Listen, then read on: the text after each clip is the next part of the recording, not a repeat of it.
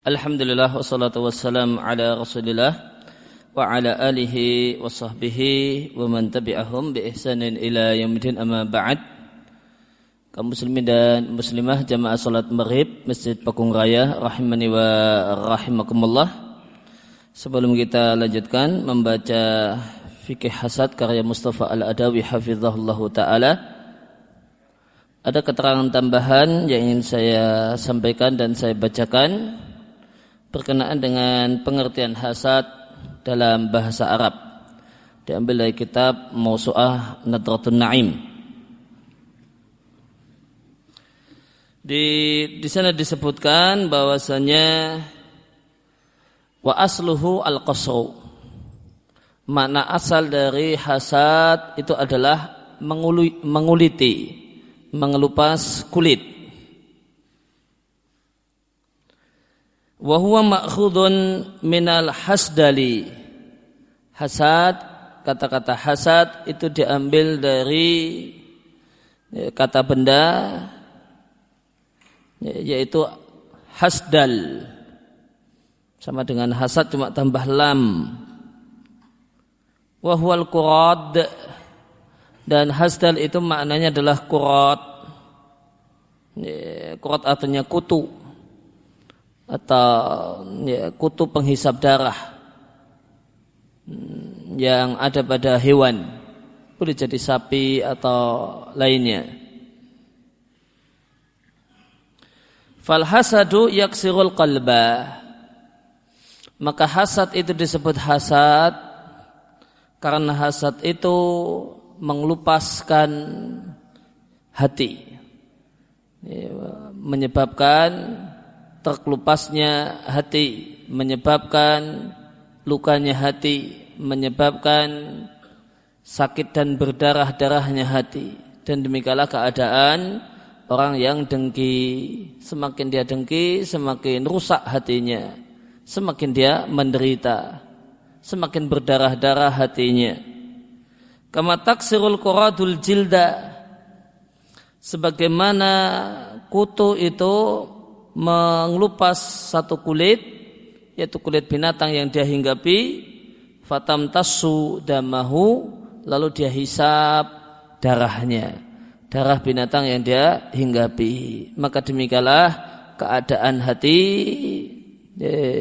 demikianlah keadaan hasad pada diri dan hati orang yang terjangkit terjangkiti penyakit hasad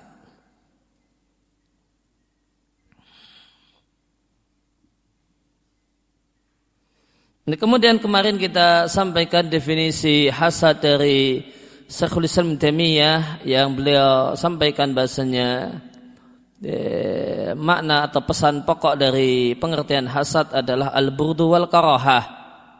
Namun kalau kita baca eh, perkataan ahli lughah, para pakar bahasa Arab yang dikutip di fikih hasad tentang pengertian hasad tidak ada yang membawa ke makna al-burdu wal karaha.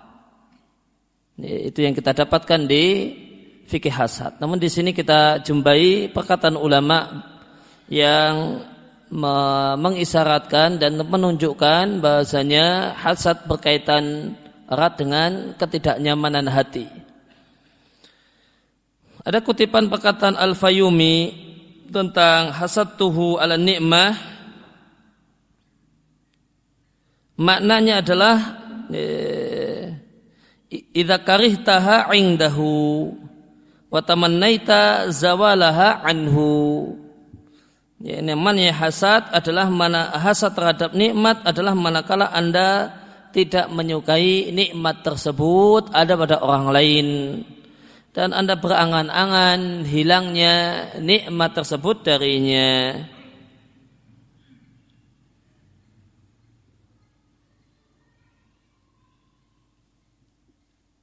Ya, maka Al-Fayumi menyampaikan bahwasanya hasad itu maknanya secara bahasa ada unsur karohah. Yang ini mungkin bisa jadi ini yang eh, ini yang menjadi dasar Ibnu Taimiyah rahimallahu taala untuk e, merojihkan dan memilih makna hasad adalah al-burdu wal karohah.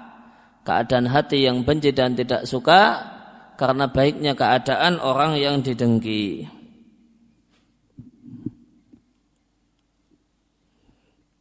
Maka itu kita jumpai dari perkataan Al-Fayumi meskipun Fayumi menambahkan dan berangan-angan tidak suka nikmat itu ada pada orang tersebut kalau beliau menambahkan dan berangan-angan agar nikmat itu hilang darinya. Kemudian kita kembali ke fikir hasad di halaman yang ke-10 ketika menyebutkan tentang macam-macam dan bentuk-bentuk hasad. Maka qala al-musannif hafizallahu taala al martabatul khamisah bentuk hasad yang lain yang kelima adalah seorang itu mengangankan untuk dirinya semisal nikmat yang didapatkan orang lain. Namun jika lam tahdus lahu tilkan ni'amu jika nikmat tersebut tidaklah terjadi pada dirinya, dia tidak mengangankan hilangnya nikmat tersebut dari orang lain. Maka termasuk dalam hasad jenis ini yang dinamai oleh para ulama dengan sebutan ribtah.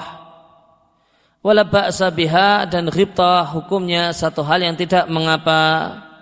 Dan ribtah itu qaribatun dekat eh, minal munafasah dari munafasah dekat dengan munafasah bersaing dalam masalah kebaikan. Waqat qala ta'ala dan Allah ta'ala memerintahkan untuk tanafus bersaing dalam kebaikan. Wa fi dzalika falyatanafasil mutanafisun untuk mendapatkan surga maka adalah bersaing orang-orang yang bersaing Waqala Ali salatu wassalam tidak ada hasad yaitu ghibtah kecuali untuk dua orang al hadisa. Maka hasad yang ada dalam hadis ini adalah hasad ghibtah. Al hamil li sahibihi alaihi dan yang mendorong orang itu memiliki ghibtah adalah kibaru nafsihi karena dia adalah orang yang berjiwa besar menginginkan hal-hal yang besar bukan berjiwa-jiwa kerdil yang menginginkan hal-hal yang remeh dan sepele. Dan karena dia menginginkan uh, khisalul khair, hal-hal yang baik untuk dirinya. Dan dia berkeinginan untuk menyerupai bi ahliha uh, orang-orang yang memiliki khisalul khair. Dan dia ter, ingin termasuk dalam rombongan orang-orang yang memiliki sifat-sifat yang baik. Wa ayakuna min sabbaqihim dan karena dia ingin menjadi orang yang terdepan dalam kebaikan wa dan orang yang mendapatkan level yang tinggi dalam kebaikan wa musallihim orang yang terbakar untuk mengerjakan dan mendapatkan kebaikan. Laman fasakalahum bukan orang yang fasakala. Fasakala itu kalau di eh, kamus menawir tidak ada. Eh, maknanya di Mu'jam al-Wasid artinya datang belakangan. Berkenaan dengan masalah pacuan kuda ya, kuda yang datang belakangan itu disebut fasakala. Bukan orang-orang yang berada di belakang. Fatah lahum maka muncullah bagi orang tersebut karena semangat ini, keinginan ini, maka muncullah al-munafasah. Muncullah semangat untuk bersaing, semangat untuk menjadi yang paling dahulu dan yang paling cepat. Ma'amahabati ditambah dia tetap menginginkan, ditambah dia tetap mencintai orang yang dia ribtoh padanya. Dan dia pun tetap berangan-angan dan berharap langgengnya nikmat Allah Subhanahu wa taala kepada orang pada diri orang tersebut. Ibnul Qayyim rahimahullah taala mengatakan, renungkanlah keterangan tambahan yang Allah sampaikan tentang kejelekan orang yang hasad yaitu wa min syarri hasidin idza hasad. Ya Allah aku berlindung kepadamu dari kejelekan orang yang bahaya orang yang hasad manakala hasadnya kambuh manakala dia dalam kondisi hasad. Li rajul karena seorang itu boleh jadi ada pada dirinya hasad namun dia sembunyikan. wala yuratib wala yurattabu alaihi adan biwajhin ma dan hasad tersebut tidaklah berdampak berbuah gangguan dalam bentuk apa pun labil qalbi wala bilisanihi dia tidak mengganggu, menyakiti dan mendalimi orang yang dia dengki dengan hatinya, tidak pula dengan lidahnya, tidak pula dengan tangannya. Bal yajidu fi qalbi syai'an min dalik. Namun dia jumpai di dalam hatinya ada hasad. Namun wala yu'amilu akhahu illa bima yuhibbullahu. Non secara lahiriah dia tidaklah bersikap kepada orang yang dia dengki tersebut kecuali dengan sikap-sikap yang Allah cintai dan Allah perintahkan. Fahada layakatu yahlum minhu ahad. Maka hasad itu adalah satu hasad yang ada dan muncul dalam hati itu hampir-hampir tidak ada satupun orang yang selamat darinya. Illa man asamahullah kecuali orang yang betul-betul istimewa sampai-sampai hati pun di hati pun tidak muncul keinginan atau kemudian perasaan hasad.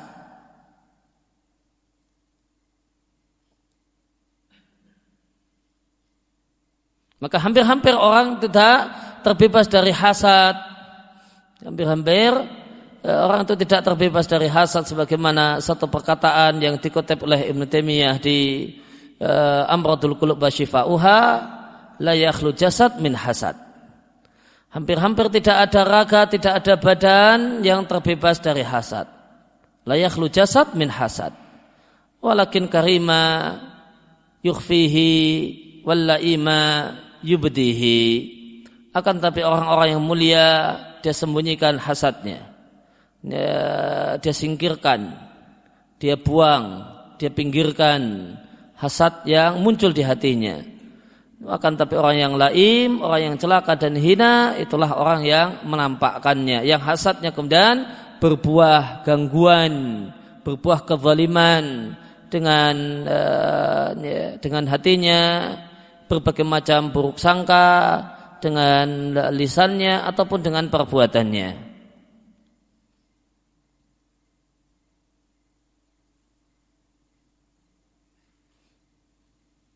Ya, maka orang yang orang yang mulia adalah orang yang timbul dalam dirinya hasad, namun dia sembunyikan.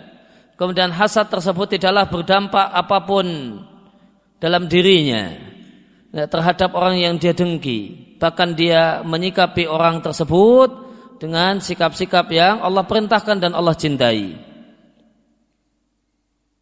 Wakil oleh karena itu ada orang yang bertanya kepada Hasan Al Basri, ayah sadul mu'minu, ayah sudul mu'minu, boleh ayah sudu, boleh ayah sidu. Apakah orang yang hasad, eh, apakah seorang mukmin itu mengalami hasad? Maka jawaban Hasan Al Basri, ma'ansaka li ikhwati Yusuf. Betapa engkau lupa dengan saudara-saudaranya Yusuf. Yang mereka adalah orang-orang yang beriman mereka adalah anak Nabi Allah Subhanahu wa taala. Dididik oleh ayah yang seorang nabi.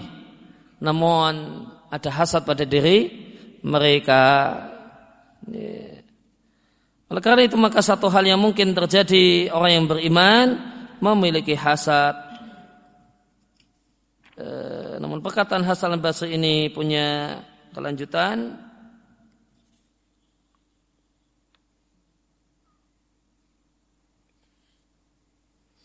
Ya, kalau rajulul Hasan, hal yahsudul mu'minu ada seorang yang bertanya pada Hasan Al-Basri, hal yahsudul mu'minu apakah mukmin itu hasad?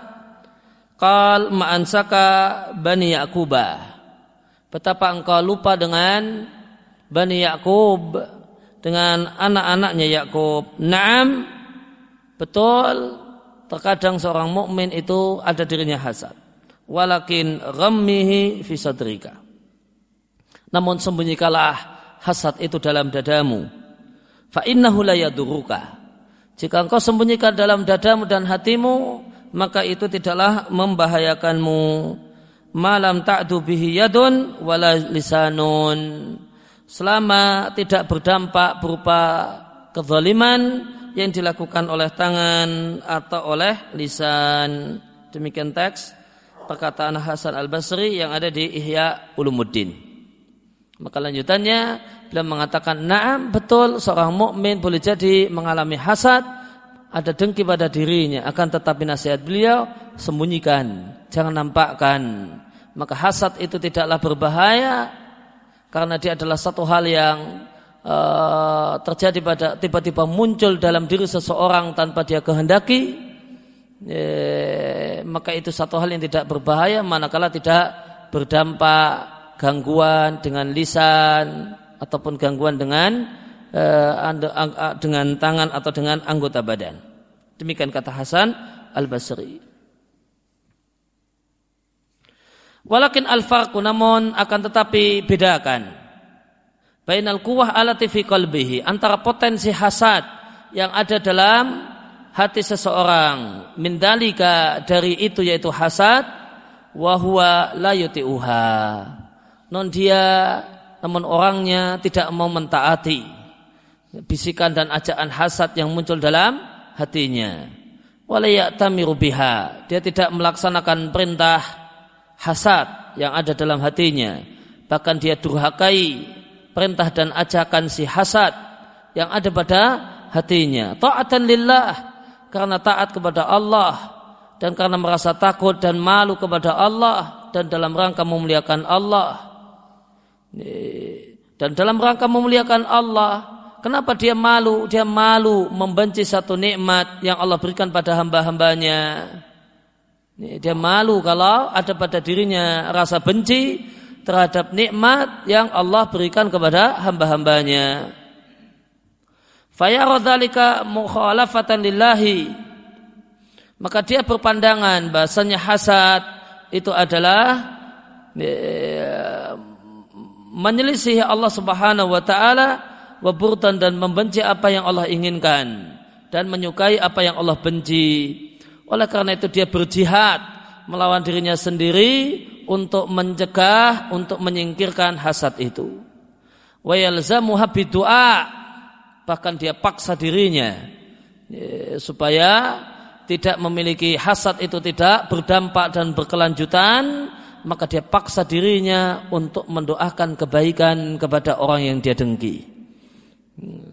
Watamanna bahkan dia munculkan dalam hatinya keinginan dan harapan agar orang yang dia dengki tersebut sambah semakin bertambah nikmatnya.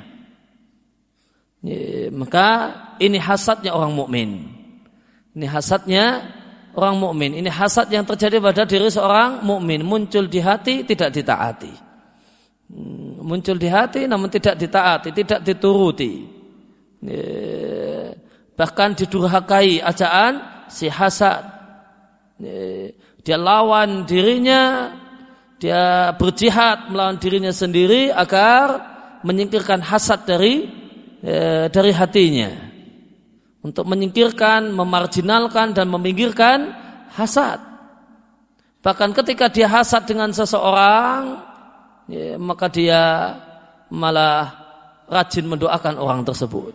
Ya, rajin mendoakan orang tersebut. Ketika muncul dalam dirinya hasad pada seseorang, maka di tengah malam maka di uh, antara adzan dan iqamah dan di waktu-waktu yang lain dia ya, dia sampaikan doa spesial. Untuk siapa? Orang yang dia dengki. Orang yang dia dengki. Dia berharap dan minta pada Allah Subhanahu wa taala ya Allah berikan tambahan nikmat padanya ini hasad yang terjadi pada orang yang mulia hasad yang terjadi pada orang yang beriman ini hasad yang terjadi pada orang yang mukmin Bikhilafi ma'idha haqqaqa dhalika. Lain halnya dengan hasad yang terjadi pada laim manusia yang hina. Maka dia wujudkan hasadnya. Wa hasadahu dan dia dengki dengannya. Wa rattaba ala hasadihi muqtadahu. Dan dia munculkan dari hasadnya tersebut dia laksanakan konsekuensinya. Berupa menyakiti dan mengganggu orang yang dia dengki dengan hatinya, dengan lisannya, dengan anggota badannya. Nah, hasad jenis yang kedua ini fahadal hasadul madmum. Kata Ibnul Qayyim inilah hasad yang tercela. Wahada hasadu tamani zawal dan ini semua adalah hasad dalam bentuk berangan-angan hilangnya nikmat dari orang lain. Kemudian Ibnu Qayyim melanjutkan dengan mengatakan bahasanya hasad itu ada tiga macam. Hasad itu ada tiga macam. Ini pembagian dari Ibnu Qayyim. Kalau yang kemarin kita baca pembagian dari penulis fikih hasad. Ya, macam yang pertama adalah ini, yaitu mengangan-angankan hilangnya nikmat dari orang lain. Maka dia berangan-angan agar orang bodoh tersebut ya, cepat setruk atau gimana sehingga orang yang pintar tersebut cepat kemudian setruk akhirnya pintarnya hilang. Didoakan agar pikun, nah, diharapkan agar pikun nah, dan sebagainya. Ya, diharapkan kemudian nah, putus cinta jeglek akhirnya hilang pintarnya. Maka itu hasad. Uh, itu hasad yang jenis yang pertama mengangankan hilangnya nikmat dari orang lain.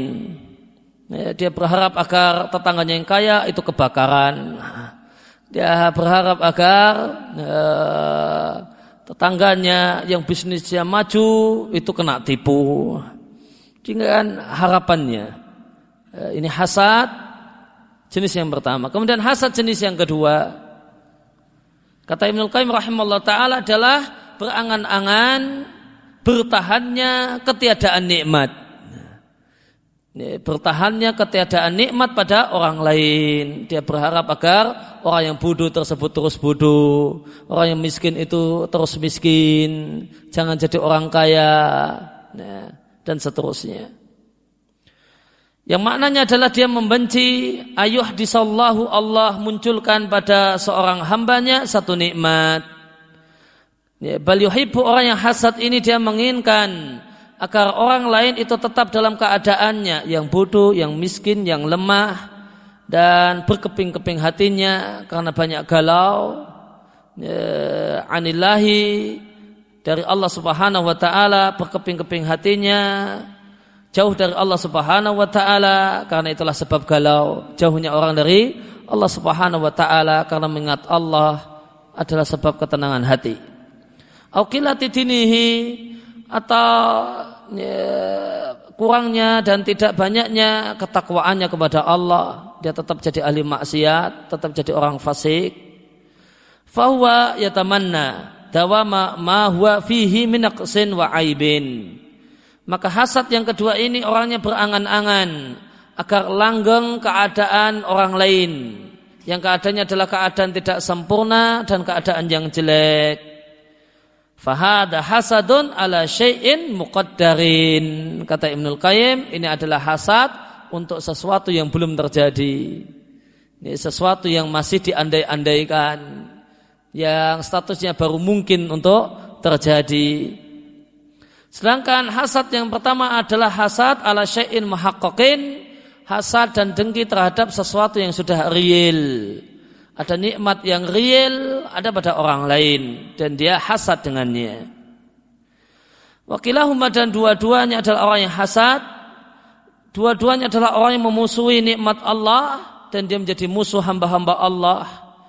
Dan dua-duanya adalah orang yang dimurkai oleh Allah Ta'ala dan tidak disukai oleh manusia.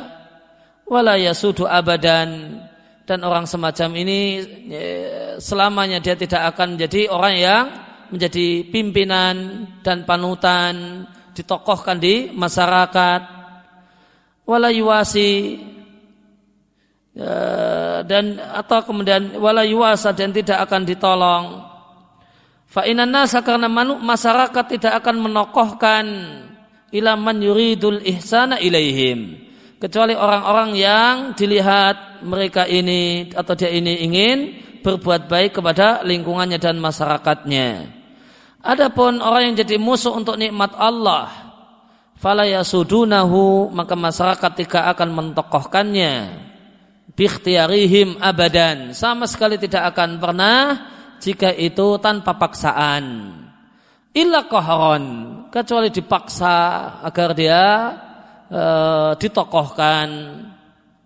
Maka dia pun akan bisa jadi tokoh di masyarakat, namun masyarakat akan menilai kalau orang yang punya hasad semacam ini kok jadi tokoh, maka ini adalah balak untuk masyarakat balak untuk lingkungannya dan musibah yang Allah timpakan kepada mereka dengannya. Sehingga mereka pun tetap membencinya dan dia pun karena hasad dengan orang lain membenci sekelilingnya. Dan hasad jenis yang ketiga adalah hasad riptah yaitu berangan-angan kalau dia memiliki semisal keadaan orang yang dia dengki tanpa hilang nikmat tersebut dari orang lain. Maka ini satu hal yang tidak mengapa dan tidak tercela. Bahkan kata Ibnul Qayyim, hada qaribun minal munafasah. Ini adalah dekat dengan munafasah bersaing yang Allah perintahkan dalam firman-Nya, wa fi dzalika falyatanafasil mutanafisun. Uh, dan hasad ghibtah ini ada terdapat dalam hadis yang sahih dari Nabi sallallahu alaihi wasallam yaitu tidak ada hasad, yaitu keinginan mendapatkan nikmat sebagaimana nikmat yang didapatkan oleh orang lain kecuali untuk dua orang. Orang yang Allah berikan padanya harta yang berlimpah, kemudian wasallatahu ala halakatihi, dia paksa dirinya untuk membelanjakan hartanya filahaki dalam kebaikan. Dan seorang yang Allah berikan padanya ilmu, kemudian dia memberikan memutuskan sengketa dan masalah dengannya dan dia ajarkan kepada manusia sekelilingnya. Maka hasad dalam hadis ini kata Ibnu Qayyim adalah hasad ghibtah yang mendorong orangnya seperti itu adalah karena dia adalah manusia yang berjiwa besar, menginginkan hal-hal yang hebat dan besar, menginginkan hal-hal sifat-sifat kebaikan, hal-hal yang baik, ingin menyerupai mereka dan termasuk dalam rombongan mereka. Ya, dia ingin untuk menjadi orang yang terdepan dalam kebaikan wa iliyatihim dan orang yang tertinggi dalam kebaikan dan orang yang terbakar dalam kebaikan dan bukan orang yang belakangan. Lahu min hadil himmah maka muncullah dari keinginan ini al munafasah bersaing, kemudian berlomba untuk menjadi orang yang terdahulu dan orang yang paling bersegera. Ma'a dia diiringi dengan dia mencintai, tetap dia mencintai orang yang dia iri, yang dia riptah dengannya, dia pun berangan-angan langgengnya nikmat Allah pada orang tersebut. Fahada maka hasad jenis ini tidak termasuk dalam ayat yang mencela hasad biwajihin ma dari sisi mana pun.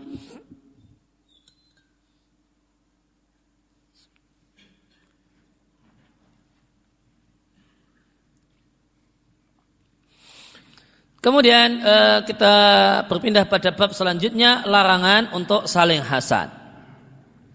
Dan uh, Rasulullah Sallallahu Alaihi Wasallam melarang umatnya untuk saling hasad. Sebagian dalam Sahih Muslim dari Abu Hurairah radhiallahu anhu, Rasulullah Sallallahu Alaihi Wasallam bersabda, "Ia kumbadonna, hati-hatilah kalian dengan prasangka, yaitu prasangka yang terlarang, yaitu buruk sangka kepada orang yang ya, pada orang yang tanpa ada alasan untuk bersangka kepadanya. Karena orang tersebut adalah orang yang zahirnya adalah orang yang baik. Fa inna dhanna akdzabul hadis karena prasangka yaitu tepatnya buruk sangka adalah sejelek-jelek perkataan atau perkataan yang paling dusta. Wala tahassasu wala tajassasu. Janganlah kalian eh, tahassus jangan pula kalian tajasus tentang maknanya kita lihat di catatan kaki kutipan perkataan An Nawawi rahimallahu taala tahassus pakai h adalah mendengarkan pembicaraan orang ya, orang lain. Nguping-nguping untuk tahu apa yang ya, diucapkan oleh orang lain. Ya. Mungkin kalau tahasus uh, model sekarang ya bikin akun Facebook cloningan untuk memata-matai orang lain apa yang dia omongkan, apa yang dia katakan ini tahasus. Ini tahasus. Wabil jim kalau pakai jim tajasus maka maknanya adalah mencari-cari al-aurat, aib orang lain mencari-cari aib orang lain membongkar-bongkar kemudian melakukan investigasi penelitian dan sebagainya ya, untuk mengetahui dan mendapatkan fakta sebuah kejelekan yaitu fakta berupa kejelekan dan keburukan yang ada pada orang lain.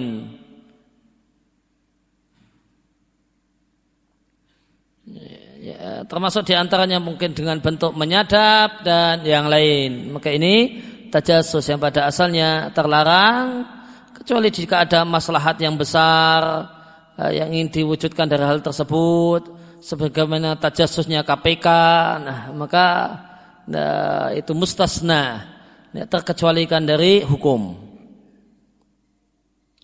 Wakilah bil jim dan tajasus ada penjelasan yang kedua tentang makna tajasus kalau pakai jim artinya adalah taftish min bawatinil umur membongkar-bongkar yang tertutup dan tersembunyi. Dan yang paling sering itu di yukal dikatakan untuk kejelekan. Oleh karena itu ada mata-mata itu bahasa Arabnya jasus. Mata-mata untuk mematai musuh. Eh, orang yang memata-matai musuh maka dia jasus. Ya, jasus didefinisikan dengan sahibu siri syari. Pemilik rahasia, ya, rahasia kejelekan. Dia tahu aib, pemegang rahasia tentang aib, titik kelemahan dan sebagainya. Dan dia sampaikan kepada orang yang membencinya. Kebalikannya adalah namus. Namus adalah sahibu siril khair. Adalah Eh, pemegang rahasia kebaikan. Oleh karena itu Waraqah ibn Naufal ketika mendapatkan cerita Nabi Shallallahu Alaihi Wasallam saat pertama kali beliau mendapatkan wahyu maka Waraqah mengatakan hadan namus. Maka Jibril itu disebut dengan yang datang padamu itu adalah Jibril.